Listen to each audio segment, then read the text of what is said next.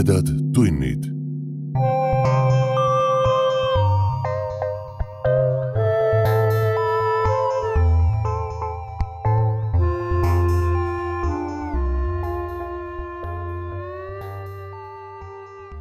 tere, hea ulmesõber! sa hakkad kuulama õudus- ja ulmejutu vestmis podcasti Tumedad tunnid viiekümne kuuendat osa. mina olen saatejuht Priit Töövel. Taas on käes see aeg aastast, mida paljud on juba kaua-kaua oodanud. lumi on maas, kuusk on ehitud. meie suuremate toetajateni on jõudnud meie logodega kingitused. vabandust, et seekord pisut hilinenult. ja kohe-kohe hakkab meie taskuhäälingus seiklema statistika kohaselt meie podcasti kõige populaarsem tegelane. vanaldane Poola eksortsist Pan Krpovski. Taas võtsin ette käigu raamatukokku ja seegi kord loen teile jutu ette ehtsast paberraamatust. ja mitte ainult ühe. mulle tundus, et kaks juttu on omavahel veidi liiga palju seotud, et nende vahele aastast pausi jätta seega järgmist Krpovski lugu kuulete juba ülehomme, kahekümne kuuendal detsembril. aga mis siin ikka pikalt pajatada? Mina ja Aiki loeme teile Indrek Hargla müstilise jutu Liiga hilja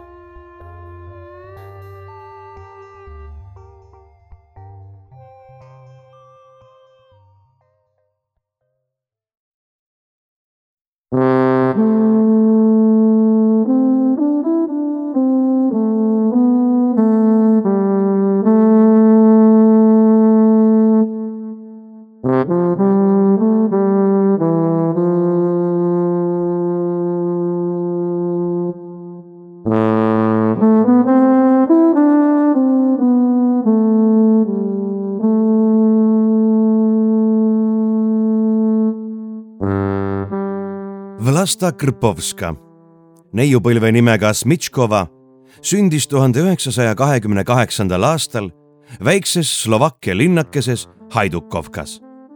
kasvas üles Poolas, kus käis ka koolis, elas üle sõja ning abiellus tuhande üheksasaja neljakümne seitsmendal aastal Varssavis hiljuti katoliku seminarist lahkunud väikest kasvu pisut nohikliku ilmega noormehega kelle nimi oli Mitšislav Krpovski. Kaheksa kuud pärast abiellumist sündis neil tütar, kellele pandi nimeks Kataržina. Mitšislav töötas siis raamatukogus, sai imeväikest palka ja veetis suurema osa vabast ajast mingite kummaliste meeste seltskonnas. naine tundis, et tema mehega toimub midagi. temas muutub midagi. ent südamega aimas ta, et kõik need muutused on head. Sõna eksortsist kuulis ta esmakordselt mitu aastat hiljem, üsna juhuslikult, kui keegi võõras tõi neile ümbriku sularahaga ning tänas Mitšislavi kaua ja hingepõhjast. saadud rahaga suutis Mitšislav avada väikse antikvariaadi ja reisida esmakordselt oma elus välismaale, Itaaliasse ja Egiptusesse naastes tõi ta kõigile kingitusi, kallistas oma naist kõvasti ning ütles, et nüüd on ta pühitsetud eksortsist, asub võitlema oma ohtlikku võitlust ja kumbki neist ei saa sinna midagi parata. Vlasta nuttis pisut, esitas sadakond küsimust ja nuttis veel. mitu päeva koguni, sest Mitšislav vastas neile kõigile ausalt. vahest liigagi ausalt, ent kumbki neist ei kahetsenud seda kunagi. Vlastast sai eksortsisti naine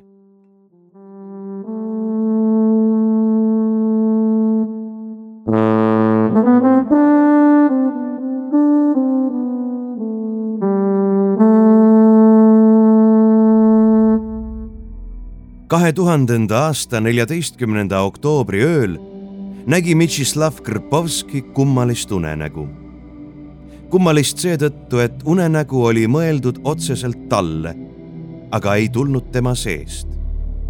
tema unes oli keegi, üritas talle midagi rääkida, kuid kes ja mida, seda vana eksortsist ei taibanud. hommikul ärgates ning ennast Vlasta poole pöörates avastas ta, et tema naine oli öösel surnud.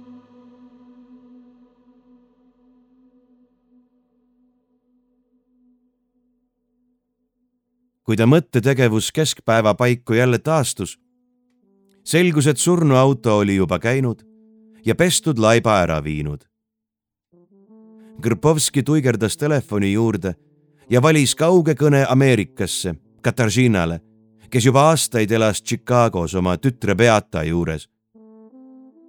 kui pärast mitmendat helinat lõpuks toru võeti, keskläänes oli ju praegu öö, ei tulnudki vanale eksortsistile pähe midagi, mida öelda.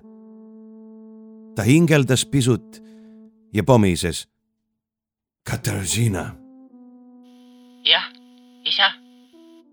kostus teiselt poolt ookeani mitte eriti unine, kuid nõrk hääl. ema on surnud, ütles siis Krpovski ja sulges kipitavad silmad. täna öösel, magades. Katarzyna hakkas nutma. isa, isa, nuuksus ta. jah see on nii valus. isa, sa helistasid juba õhtul. me tuleme esimese lennukiga.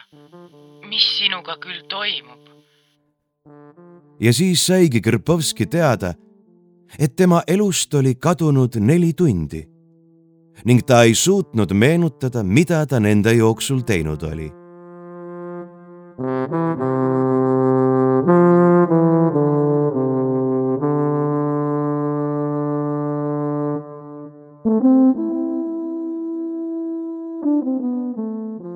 Katariina ja Beata tulidki esimese lennukiga, magamata, nutetud silmadega ja leinariietes. Nad käisid koos leinamajas, sõid nappi lõunaeinet ja hakkasid matusekutseid laiali saatma. päev möödus otse kui suitsuvines ja eemalt vaadatuna. inimesed helistasid, avaldasid kaastunnet. kõik oli kuidagi tühi ja tähtsusetu pärastlõunal läks Krpovski oma kabinetti. naised said aru, et ta lihtsalt peab nüüd veidi aega üksi olema.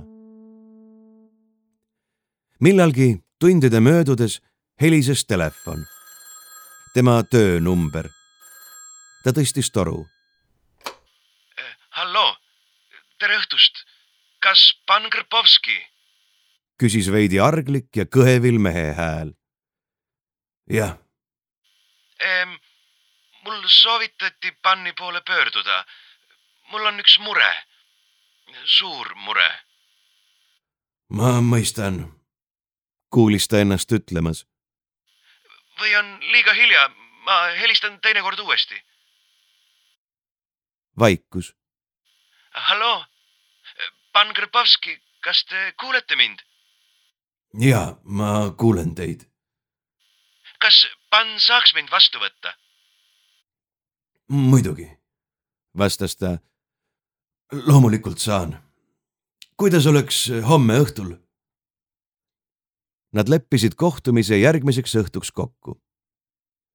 Grbovski istus poole ööni tuima näoga oma kabinetis ja üritas unenägu meelde tuletada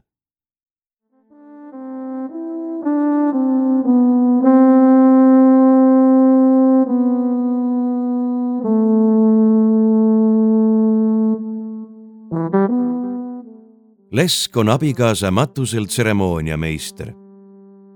Vanemata jäänud laps, tütar iseäranis, õhustiku, leina meeleolu looja. Krpovski sai teada, kui palju tal tegelikult sugulasi oli, kui vähe ta neid tundis ja kui vajalikud nad olid. matused polnud talle kunagi meeldinud, kuidas nad saaksidki ja ta ei olnud iial ennast hästi tundnud nutuses meeleolus aga nüüd, mil ta äkitselt hoomas, et kaastunde ja lohutusavaldused niikuinii midagi ei muuda, ükskõik kui siirad nad ka poleks, aitasid ümberringi vohav valus vaikus ja seda aeg-ajalt katkestavad nuuksed tema muret kergendada. matusepäeva eelõhtul istusid nad Katariinaga kaua vaikides diivanil ja vaatasid teineteisele tummalt otsa. Beassia rääkis esikus telefoniga. Tütre pisarad olid juba ära voolanud. tema nägu oli tuim. ei olnudki midagi öelda, midagi mõelda. ei olnud, aga pidi. Vlasta ei olnud soovinud, et Katariina ookeani taha oma tütre ja tütremehe juurde võõrasse suurlinna, tundmatusse ja kaugesse maailma elama asuks. aga peaasja kutsus oma ema, sest teadis, et nii on kõige parem. oli ka, ent Vlasta ei andestanud seda kunagi. sõjas oli naine kaotanud isa ja ema. ta ei saanud iialgi teada, millisesse koonduslaagrisse nad viidi ja kuidas nad surid ja ei olnud ta ka oma mehel palunud seda välja uurida.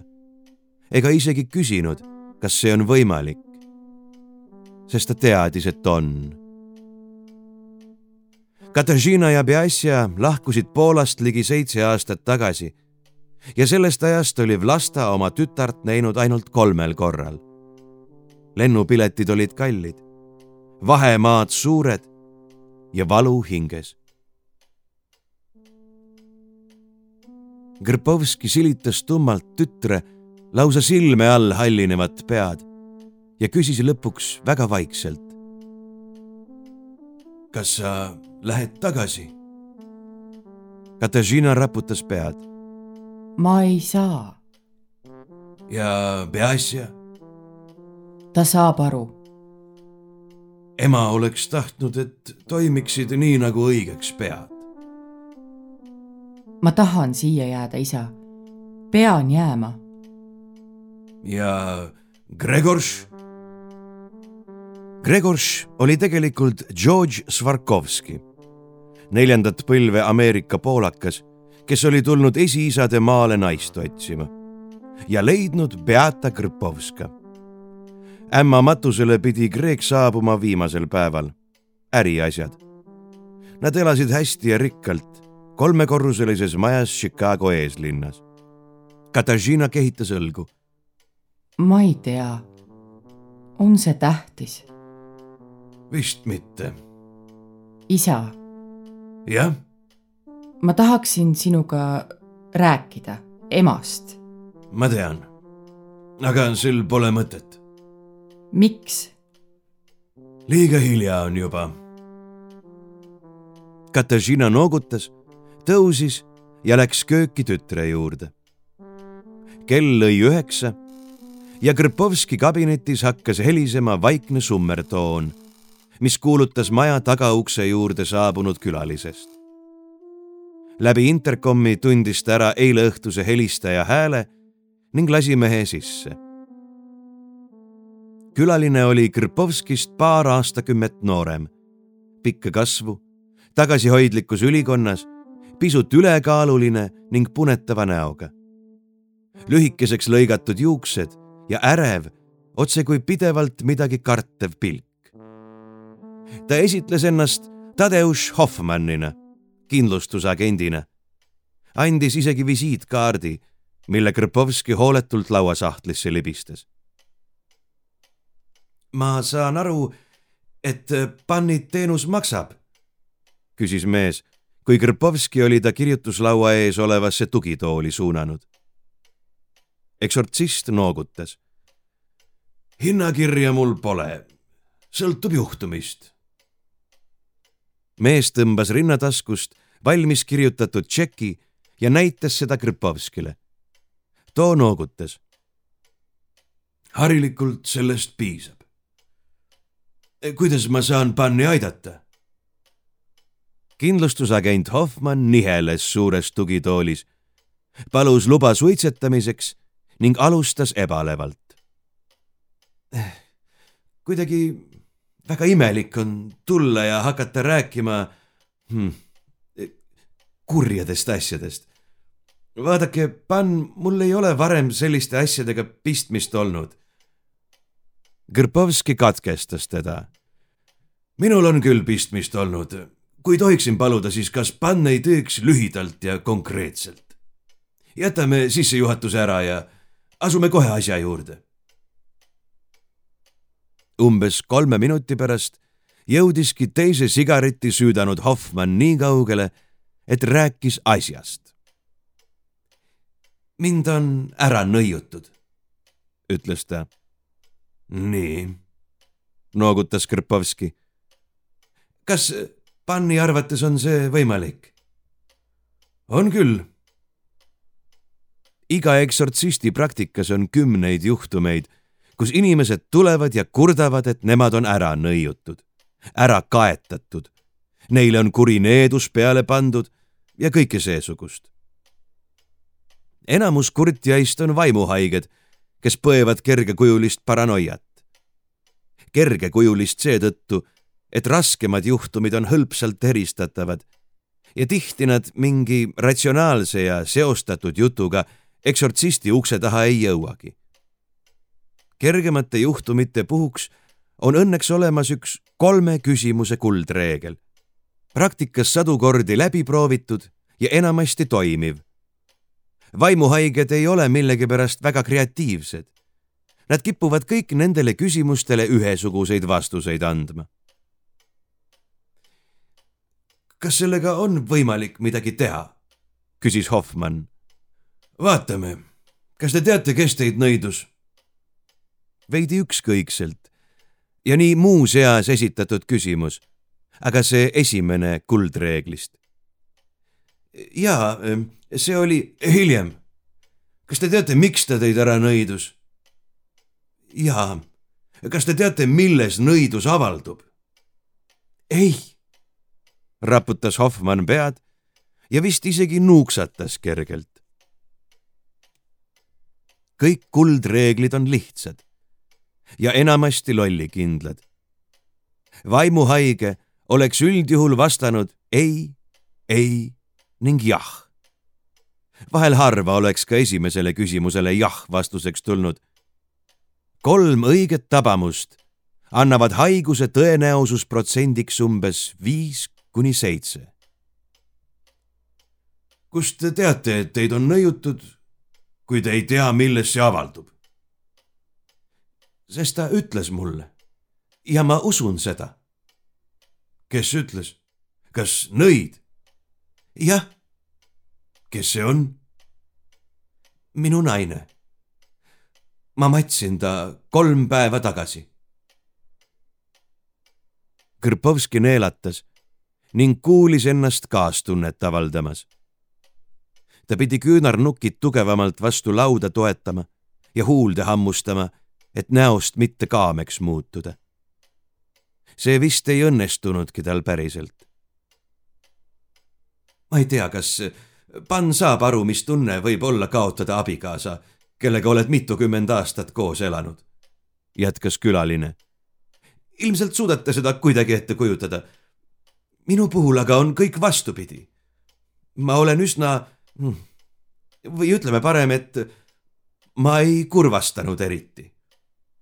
Enne kui teada sain, niisiis ta ütles teile seda? uuris Kripovski vaikselt. jah, ütles surivoodil, et on mind ära neednud ja nõidunud. miks? miks ta seda tegi või miks ta seda ütles? Grpovski vandus mõttes ja sundis ennast meelde tuletama, et tal on tegu kindlustusagendiga. miks ta teid siis ära nõidus? korrigeeris ta ennast. sest ta arvas, et ma mürgitasin ta. kas mürgitasite siis või? ei, ei mürgitanud. ega palunud kellelgi teisel seda teie eest teha? ei ma ei tapnud oma naist. Kuigi oleksin pidanud seda tegema. ta oli nõid. kust te seda teate? mul oli kunagi üks naine. üks teine. üsna hiljuti. ta armastas mind ja mina teda ka. meie abielul polnud juba ammu suuremat mõtet. Dana, minu naine, oli, kuidas seda öeldaksegi, erotofoobne. Grpovski noogutas. tegu oli nõidade ühe levinuma kutsehaigusega. õieti, sellest asi vist alguse saigi. kui me abiellusime, olin ma kindel, et see tuleb tal mingist noorusaja traagilisest elamusest ja läheb üle. aga ei läinud üle. ja, ja ta hakkas sellele rohtu otsima. külastas mingeid posijaid ja need talle selle mõtte pähe panidki, et Danal on endal ka teatavat laadi võimed. ja lõpuks teda ravi enam ei huvitanudki. tegeles ainult oma nõidumisega. mida ta siis nõidus? ma ei tea täpselt, sest me ei rääkinud sellest. ja see teie armastatu? mees sulges viivuks silmad. ta avas need ja siis värelesid neis pisarad. Dana nõidus Monika rasedaks, ütles ta siis. nõidus tema sisse koera. kust te seda teate? sest ma ise võtsin sünnituse vastu. Monika suri ja ma uputasin nad mõlemad. ja teie nõidus? Ta ütles seda mulle surivoodil, et oli ka minu ära nõidunud. millise nõidusega? seda ta ei öelnud? ei. ütles ainult, et ühe hirmsa ja koleda needusega. irvitas, sülitas mulle näkku ja kärvas. Kõrpovski tõusis püsti ja kõndis mööda tuba ringi ta peatus suure seinakella juures, silitas seda mõtlikult ja ohkas. kas pann saab midagi teha? küsis Hoffmann allasurutud ärevusega. kas on võimalik maha võtta needust, kui pole teada, mis see on ja nõiduja on surnud? noh, tuli Krpovski taas laua juurde. on nii ja on naa mõnikord saab ja mõnikord ei saa. on pann ehk midagi tundnud või midagi kummalist tähele pannud? ei ole, ei midagi kindlat. aga ma kardan. mida? kõike. ei julge midagi teha, midagi juua ega süüa. kodus ei julge magada ja õieti väljaski käia. või on juba liiga hilja, et midagi ette võtta kas te peale naise surma sugulises vahekorras olete proovinud olla? küsis Krpovski delikaatselt. ei, ei ole veel jõudnud, naeratas Hoffmann häbelikult ja punastas. tahtis siis veel midagi öelda, kuid sõnad jäid talle kurku kinni ning puna vaheldus kiiresti kahvatusega püha Demidovska jumala ema. kas panna arvab, et äkki ma ei arva veel midagi? lihtsalt tundub ühe loogilise võimalusena. ja mis siis võiks juhtuda? minust oleks vist üsna vastutustundetu pannile soovitada järele proovida ja midagi ennustada ka ma uurin seda juhtumit, mõtlen järele ja vaatan, mida siin teha annab. kui pann võtaks nädala pärast jälle ühendust.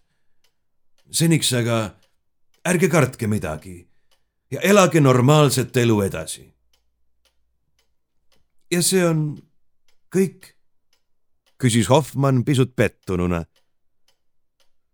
praeguseks küll ma mõtlesin, et äkki mõned protseduurid või midagi niisugust.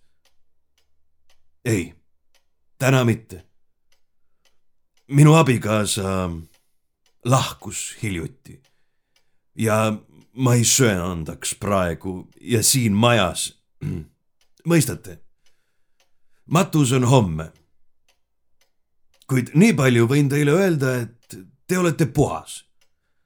Pole nagu otsest märki küljes. head õhtut, pann Hoffmann. et nädala pärast siis, eks ole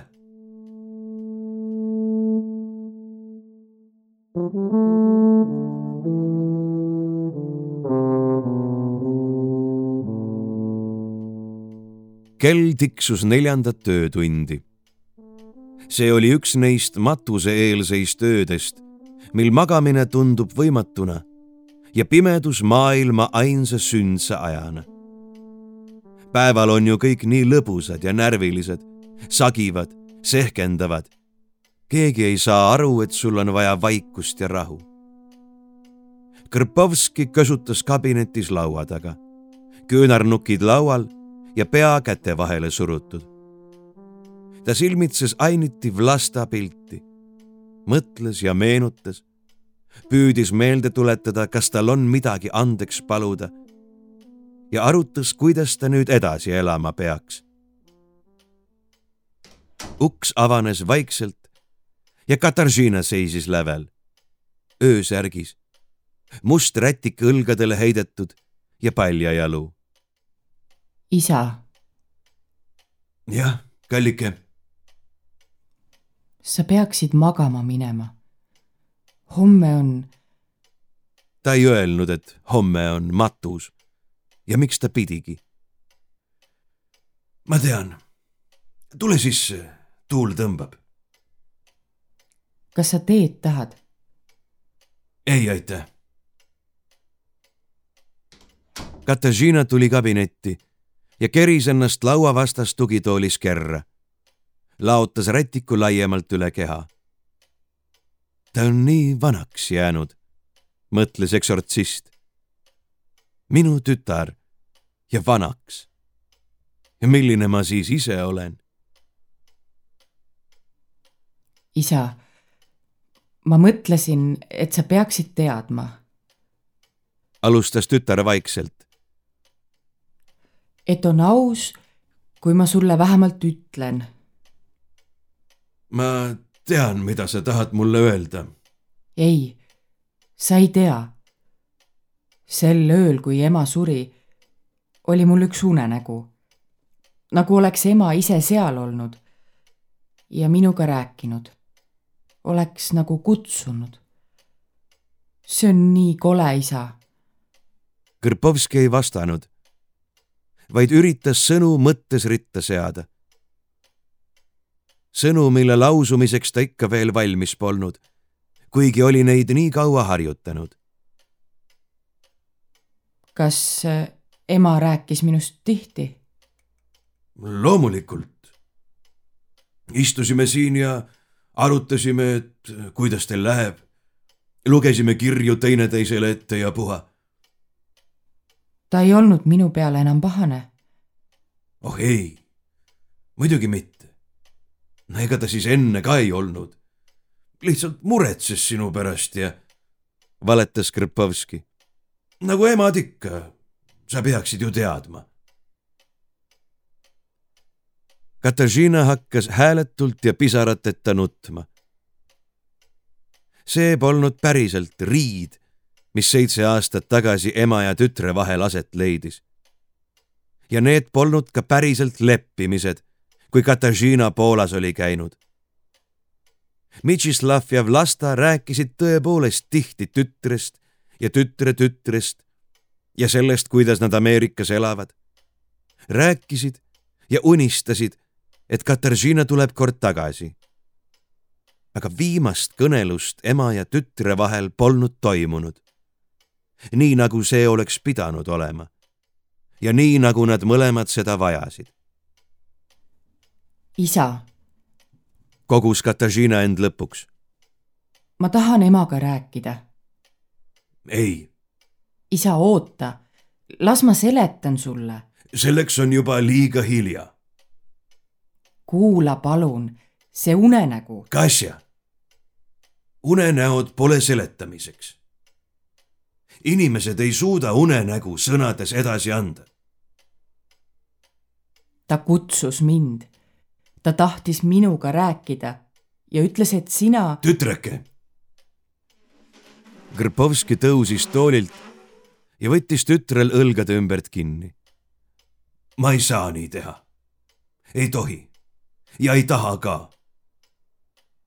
ka mina ei jõudnud talle öelda kõike, mida oleksin soovinud. inimese elu on selleks liiga lühike ja sõnad liiga tühised, et saaks kõike öelda. Eriti veel sellele, keda armastad ja kes juba osaliselt on sina ise. on asju, mida ei saa kunagi lõpuni öelda. nii on ja nii peab jääma. sinu ema armastas sind. ja mina teda ka, aga ma ei saanud seda talle öelda. oh, ta teadis seda aga see unenägu. oli ainult unenägu. Praegu näed sa seda juba teisiti ja kujutad sinna asju, mida seal tegelikult polnud. see on ikka nii. Lähme parem magama. ütle palun, kas ema, suri ta tõesti kohe? ei rääkinud minust. Kasja sinu ema suri omas voodis, rahulikult ja rahus. See on kõige parem surm. hästi, ma usun sind. Lähme siis tõepoolest magama. enne uinumist mõtles Krpovski, kas tema suudaks surra rahulikult ja rahus, kui ta poleks tütrega ära leppinud ja öelnud neid viimaseid ja kõige tähtsamaid sõnu. vist mitte, leidis ta. täpselt nii nagu Vlastagi.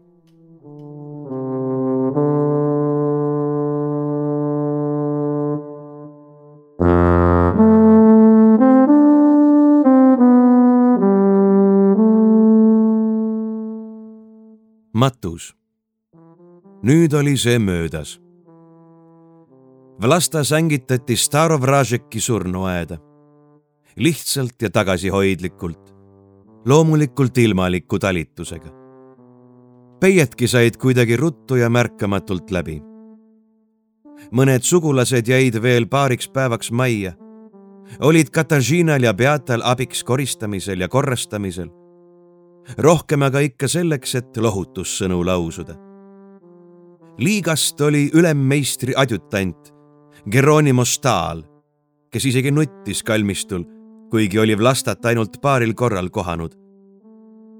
ta luges ette liiga kaastunde avalduse ja peiedele ei tulnud, sest ta polnud ju sugulane, kuigi Krpovski kutsus ja Katažinagi käis peale. ja veel olid seal muidugi Greg Chicagost, kes paistis kuidagi süüdlaslikuna ega söandanud Krpovskiga muidu kui eriti aupaklikul ja tagasihoidlikul toonil rääkida ning Laslo. Lõpuks jootis Krpovski Gregile poolvägisi klaasi pipra viina sisse ja pärast seda oli ta juba rohkem inimese moodi. või väimehe moodi ämmamatustel. aga Lasloga läks Krpovski pärast peiesid oma kabinetti ja jäi sinna väga pikaks ajaks Vlastale oli Laslo väga meeldinud. nagu ta Krpovskile ütles, tundis ta end selle noormehe seltsis alati kolmkümmend aastat nooremana. Nad olid tihti veetnud terveid õhtuid köögis ja katsetanud Ungari kööki, selle kõige loomalihasemaid, paprikamaid, suitsupekisemaid ja küüslaugusemaid retsepte, mida Laslol alati varuks oli ja mida Vlasta ei väsinud nautimast vana eksortsist oli küll porisenud, et majas leviv küüslaugu lehk rikkuvat tema haistmist, aga noored olid ta välja naernud ja teda vampiiriks mõnitanud. Grpovski naeris kaasa, kuid tegi pärast Laslole märkuse, et selliste asjadega ei maksaks naljatada. Laslo oli nad kunagi võtnud automatkale lõunasse ning Slovakkia ja Ungari piiril tegid nad foto, millel vana naine ja lokkis juustega lõbus noormees kaelakuti seisavad ja naeravad. pilt seisis Krpovski kabinetis riiulil. Laslo silmitses seda tükk aega ja tõmbas siis varrukaga üle nina. Krpovski pakkus tallegi pipraviina. noormees jõi klaasi ühe lonksuga tilgatumaks ja süütas sigareti. Sa peaksid selle maha jätma, mainis Krpovski. Pole just keelatud, aga head see ei tee. ma tean, ohkas Laslo ja jätan maha ka. aga praegu on veel aega. ei ole eriti, ütles vanem eksortsist. istu, ma tahan sinuga rääkida. kas praegu on just õige aeg? Küsis Laslo, ent istus ometi tõsinedes. on küll. varsti võib olla juba liiga hilja. mida sa sellega öelda tahad? et minagi pole igavene. ja ma olen oma otsuse teinud. nojah, ma aimasin seda, tõdes Laslo ohates. aga ikkagi, kas me ei peaks seda vestlust veidi edasi lükkama? ei, ma tahan teha kõik nii, nagu ette nähtud. täna annan ma sulle loatähe ja proovitöö aasta pärast on pühitsemine. kui on pühitsemine, ma ei tea ju, kas ma hakkama saan. saad küll. sinu viimased juhtumid on enam kui lootustandvad. Sa oled küps ja pole siin venitada enam midagi. sa mõtled seda Verona liikuvate haudade lugu? no ilma sinu abita. ma ainult juhtisin su tähelepanu mõnele üsnagi ilmsele faktile. aga see tuli kogemustest. sinul ei saanudki neid olla. kogu töö ja eksortseerimise tegid sa siiski üksi. ja sain sellest võrdlemisi võikad unenäod. See läheb üle. ma olen vahel kahelnud, kas ma ikka soovin sel alal jätkata. ka see kahtlus läheb üle. vaata Grpovski läks šeifi juurde, avas selle ja tõstis sellest välja hunniku pappkaustu, mille juurde käisid mõned siidirommid ja teraskarp mingite esemetega. minu lahendamata juhtumid. Mõnede eest on juba tasu võetud, mõnda neist ei saagi lahendada. mõned käivad isegi mulle üle jõu. võta endale rahulikult aega ja mõtle järele siis pean ma esitama oma tähelepanekud ja arvamused. lisaks ühe lahendatud juhtumi. nii ütleb koodeks ja nii on alati olnud. ainult see võetakse liigasse, kes on lahendanud ühe oma õpetajale üle jõu käinud tellimuse. sa võid selle ise valida. mis sul seal siis on? Krpovski asetas kausta kuhila lauale ja hakkas seda õhinal lappama. üsna palju ja üsna huvitavat. näiteks on siin lugu mehest, kes müüs oma hinge. ta tuli minu juurde tuhande üheksasaja kaheksakümne viienda aasta kevadel ja nii ütleski. tahtis seda tagasi saada. ostja olnud keegi tähelepandamatu välimusega võõramaalane mees sai hinge eest suure portsu sularaha. miks ta seda tegi? tahtis teada, kas hing on surematu või mitte. aga ta oli täiesti läbitungimatu. Kui sa saad aru, mida ma öelda tahan. ükski loits ei mõjunud. hiljem ta kadus ning saatis mulle kirja, et tal on hakanud elus hullu pööra vedama ja jäägu see hing pealegi sinna paika juhtum hakkas mind hullupööra huvitama. ent ma ei suutnudki seda lahendada. ja siin on mul lugu mehest, kes nägi pidevalt nägemusi kummalistest vanaaegseis rõivais inimestest, kes endid kuskil troopikasaarel uputasid ja kutsusid teda nendega ühinema. kasutasin kõige lihtsamat retriiverloitsu ja mees vabaneski painajatest hiljem hakkasime koos uurima Roanoke'i koloonia kadumise saladust, sest märgid näisid viitavat, et just sellest ajast ja kohast nägemust talle saadeti. ent ta uppus ootamatult oma vannis, mis oli täitunud sooja mereveega. ja Roanoke'i on siiamaani saladus. veel on siin lugu ühest naisest. tema on tänini elus ja terve ning kasvatab oma last, kes tegelikult on tema mees. ja mingi seletamatu füsioloogiline mutatsioon end sperma kaudu regenereerivast libahundist. Ja mind palkas teda tapma libahundi eelmine ohver. libahundi sain ma liiga abiga kätte. me piinasime teda ja tapsime ta. kuid siis selgus, et ta oli jõudnud ennast paljundada veel ühe naisega ma rääkisin tollega ja ta isegi uskus mind. ent ta polnud nõus oma lapsest loobuma.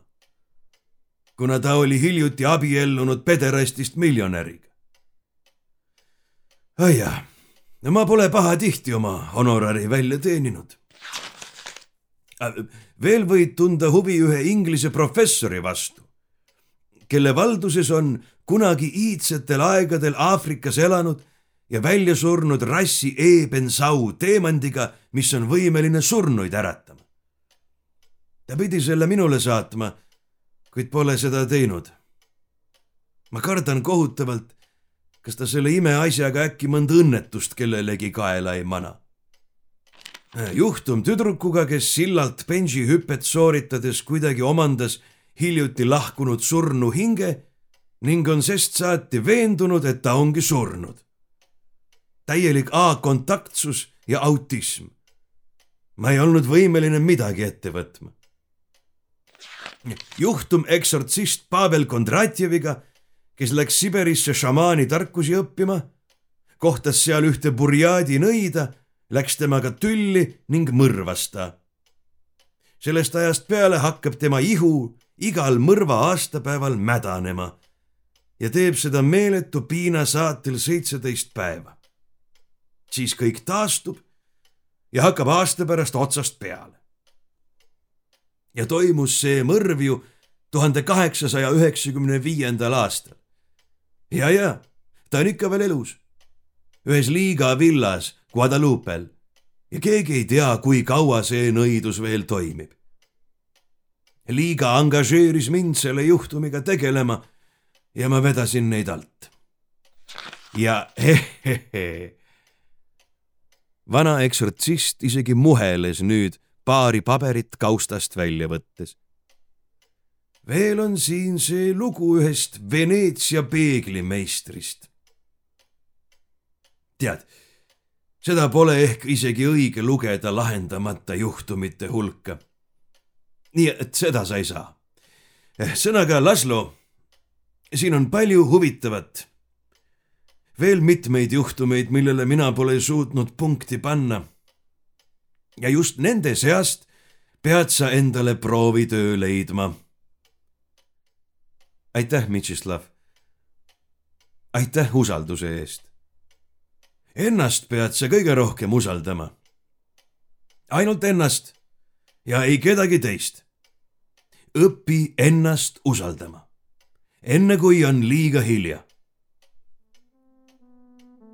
Grpovskite maja Varssavi eeslinna vaikses kõrvaltänavas mattus peagi nukrasse leinaöösse. Ent peremehe kabineti aknast kumas veel kaua valgust. eksortsist istus jäigalt oma toolil ja silmitses Laslo ja Vlasta fotot. käis pilguga üle iga sentimeetri pildiraamist.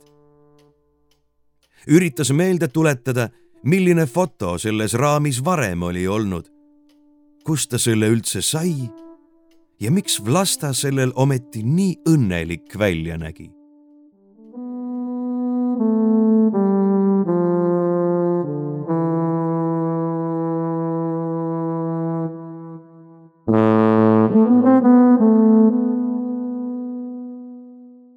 Greg ja Beata lendasid tagasi nädala pärast olles iga päev käinud Vlasta haual.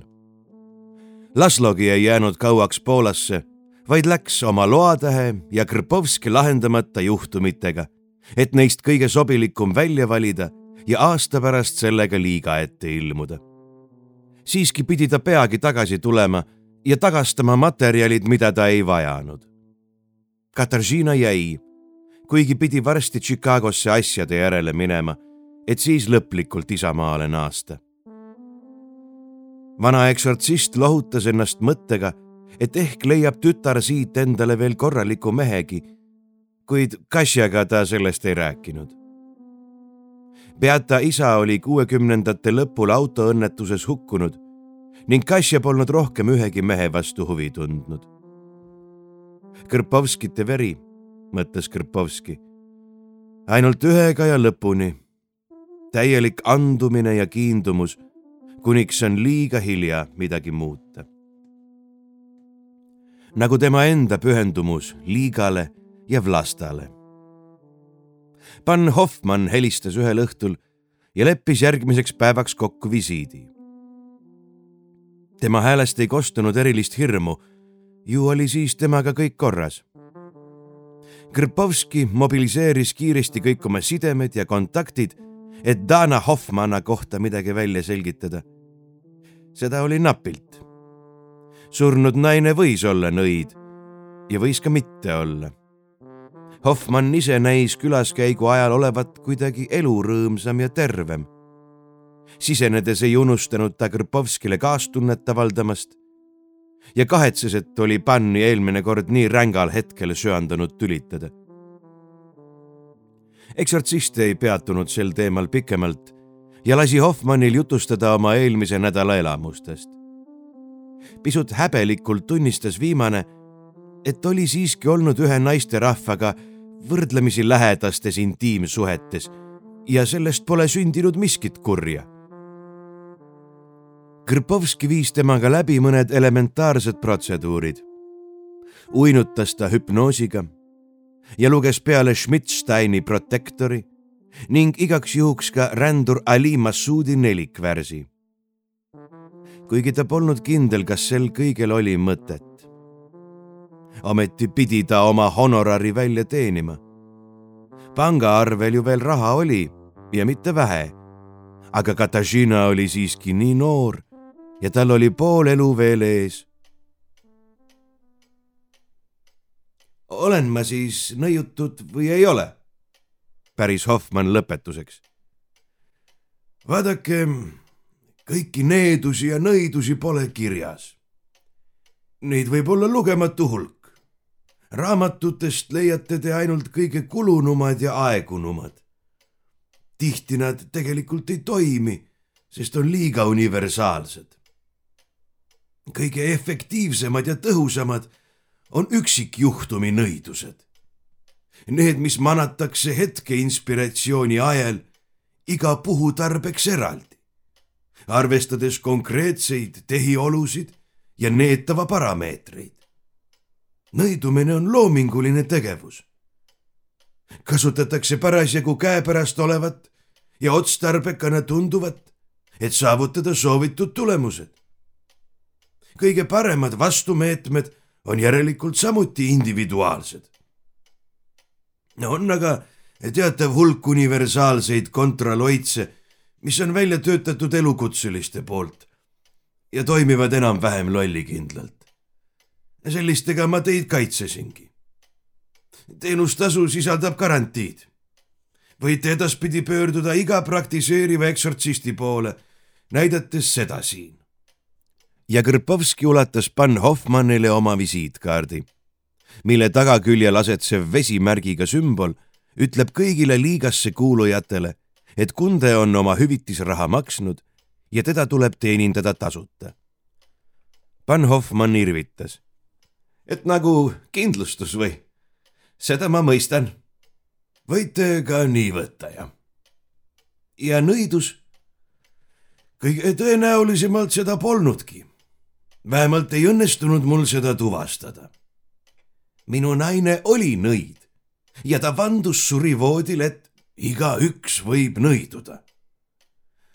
tuleb ainult tabada seda midagi sõltub õnnest ja asjaoludest.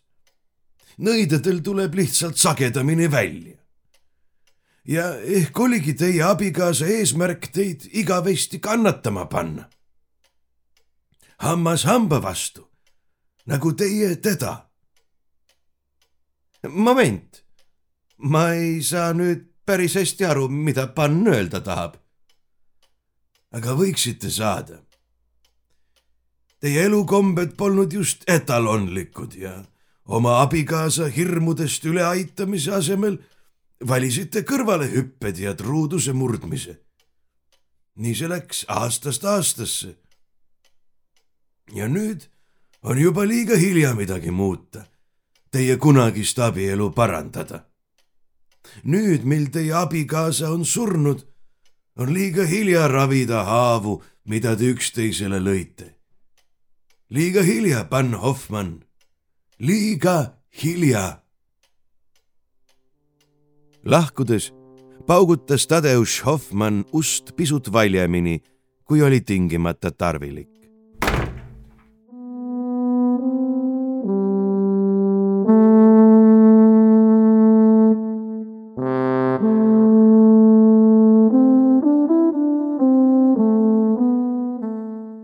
Nad rääkisid Katarzynaga kõigest ja palju. ent mitte sellest, mis tütrel nii valusasti hingel pakitses. Katarzyna teadis oma isa põikpäisust ja kindlameelsust. teadis, ent ei suutnud seda murda. öösiti nuttis ta oma surnud ema poole kibedaid pisaraid, palus ja anus. päeviti lootis, et palved on kohale jõudnud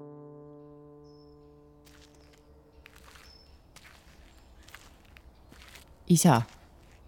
küsis ta julgust ja kogu oma tahtejõudu kokku võttes, kui matusest oli möödas üle ühe kuu ja nad taas ühel novembri õhtul kalmistul jalutasid. isa, kas sa tõesti ei taha mind aidata?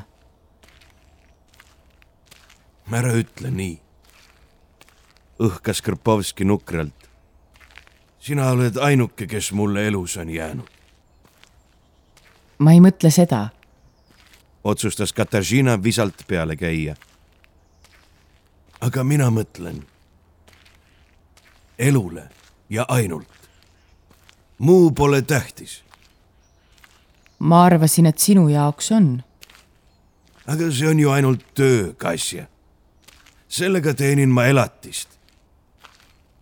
aga raamatud? antikvariaat? no, see on rohkem filantroopia või hobi. isa, sa tead, et ema oleks tahtnud. selleks on juba liiga hilja.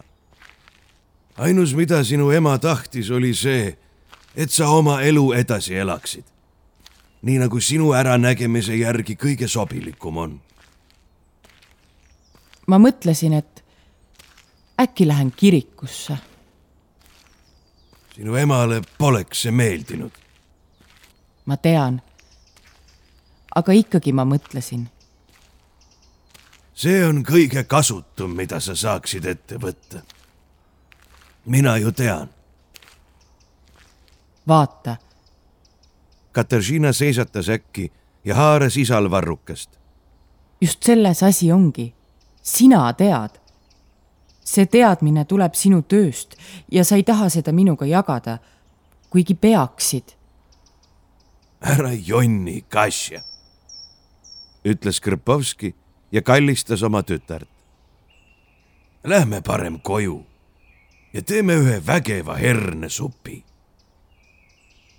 ja nad ei tulnud selle jutu juurde enam tagasi, kuigi Katariina seda nii soovis. Laslo naasis pisut enne jõule ning tõi mõlemale Ungarist kingitusi. peaasjagi pidi uueks aastaks kodumaale reisima vana harjumuse kohaselt peatus Laslo Krpovskite majas. Katariinale märkamatult ajasid nad oma tööasju. ma hakkan poodi tasapisi kinni panema, Laslo, ütles Krpovski talle otse kui muuseas.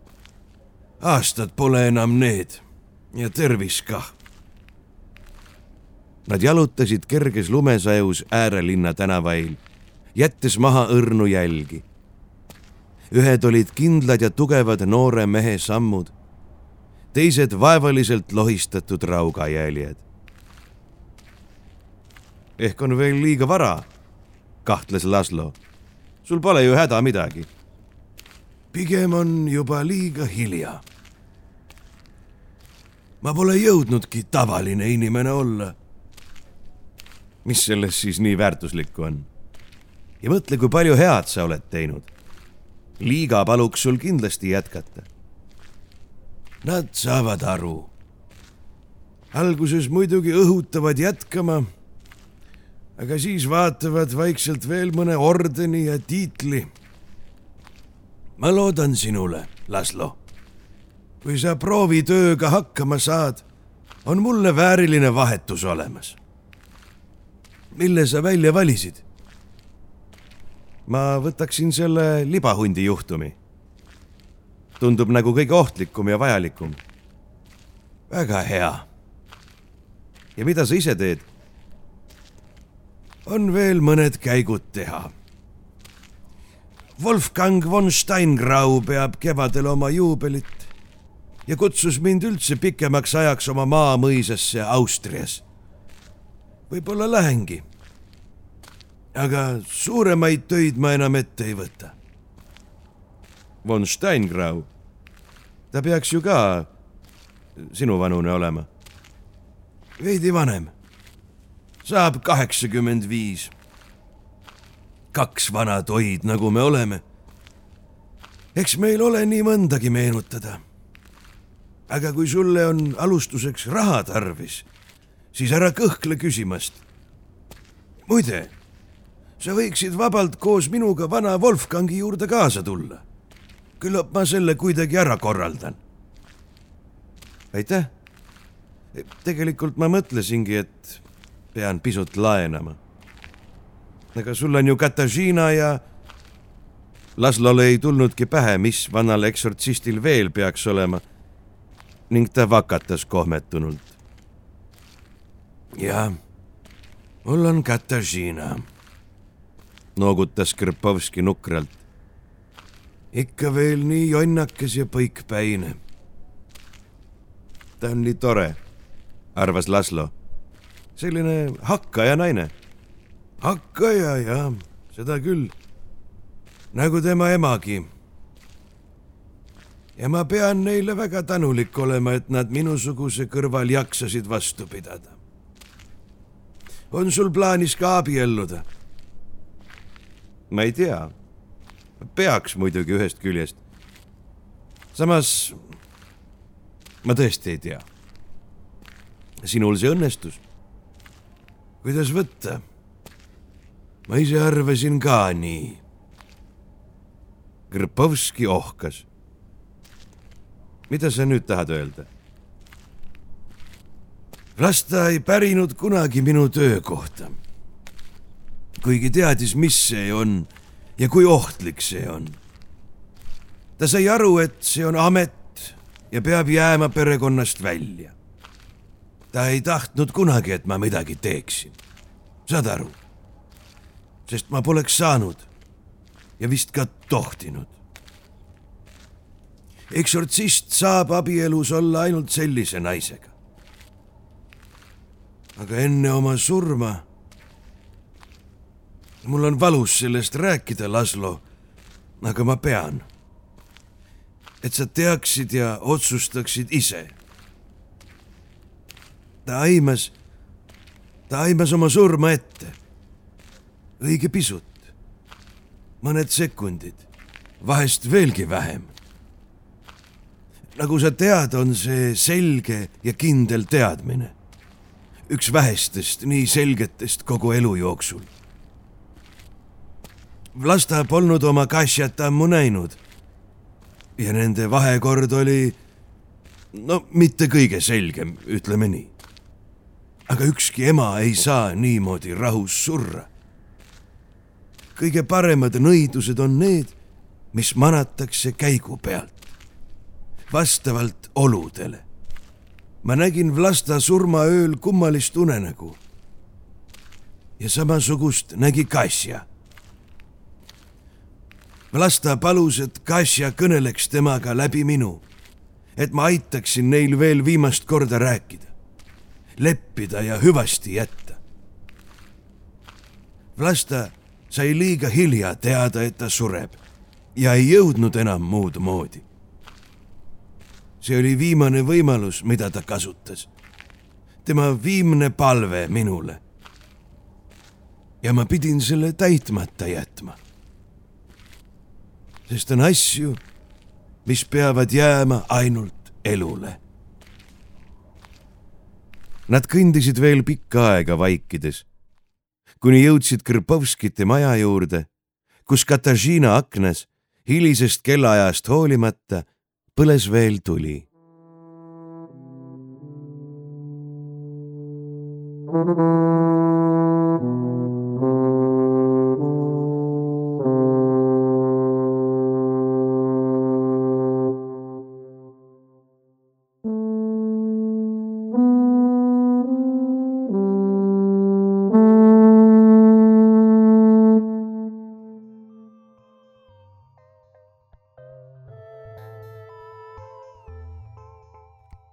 Te kuulsite Indrek Hargla müstilist juttu Liiga hilja.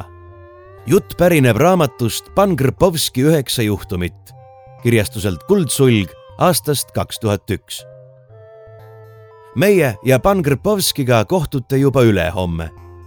kui te ei malda nii kaua põnevuseta olla, siis juba homme ilmub meie toetajatele järjekordne osa sarjast Tumedad tunnid ekstra, milles saate kuulda kahte tõlkejuttu senikaua jagage meid ikka oma sõprade ja vaenlastega. kõhedate kuulmisteni